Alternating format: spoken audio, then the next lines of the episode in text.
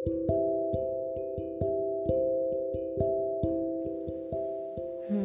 halo, balik sama Rica. Hmm, lama ya rasanya.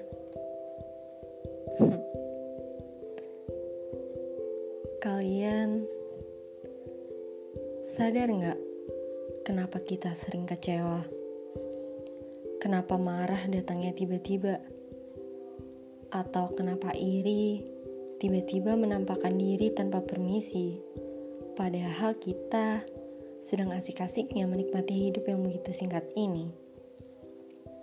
Yap, jawabannya karena kita sering gak tahu diri.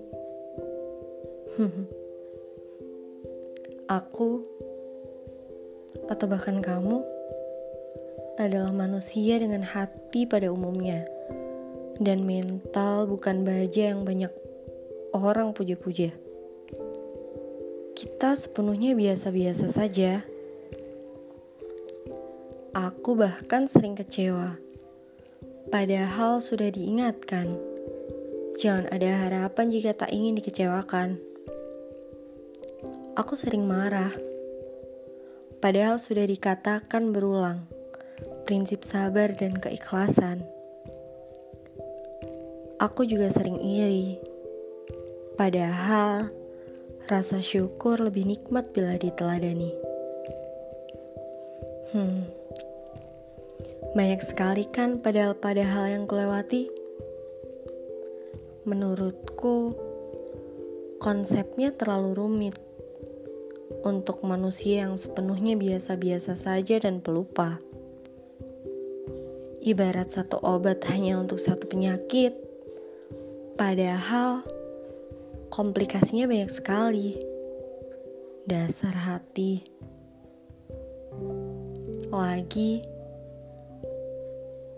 kalau banyak yang harus diminum, mungkin beberapa terlewati atau bahkan tidak sama sekali. Aku sering cari-cari lagi. Kenapa manusia selemah ini? Dan yang kutemui ternyata Cuman satu kunci. Merasa memiliki. Merasa memiliki adalah candu yang berat sekali. Di dalamnya harapan, kekhawatiran, ketidaksempurnaan, kecemasan, patah hati, dan tak lagi-lagi kita yang gak tahu diri. Saat kita tidak merasa memiliki, kita tidak akan berteman dengan kehilangan. Saat seseorang merasakan kehilangan, dia akan merunggut yang terlanjur kita rasakan dengan kata nyaman, seolah ada yang pergi. Sadar gak sih?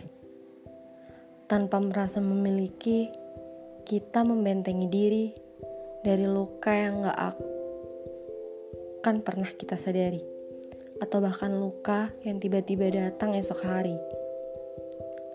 Kadang merasa memiliki membuatku seolah berenang. Iya, aku sedang berenang di laut lepas.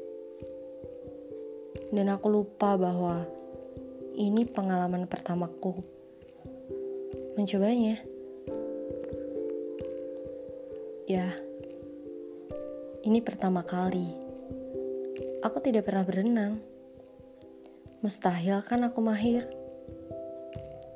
Aku hanya akan menenggelamkan diri dalam peliknya ombak, hembusan angin. Lalu, segera paru-paruku akan meminta aku untuk mengakhiri kontrak dengannya. Aku sudah tidak sempat lagi untuk mengajaknya berbaikan, apalagi negosiasi. Aku harus menyerah bahwa bisa menyelami lautan memang bukan milikku. Coba cermati lagi Hal apa yang pergi setelah kau sempat merasa memiliki? Bagaimana setelahnya? Apa rasanya? Dan bagaimana ia yang pergi namun tak pernah kita merasa memiliki? Bukankah biasa saja?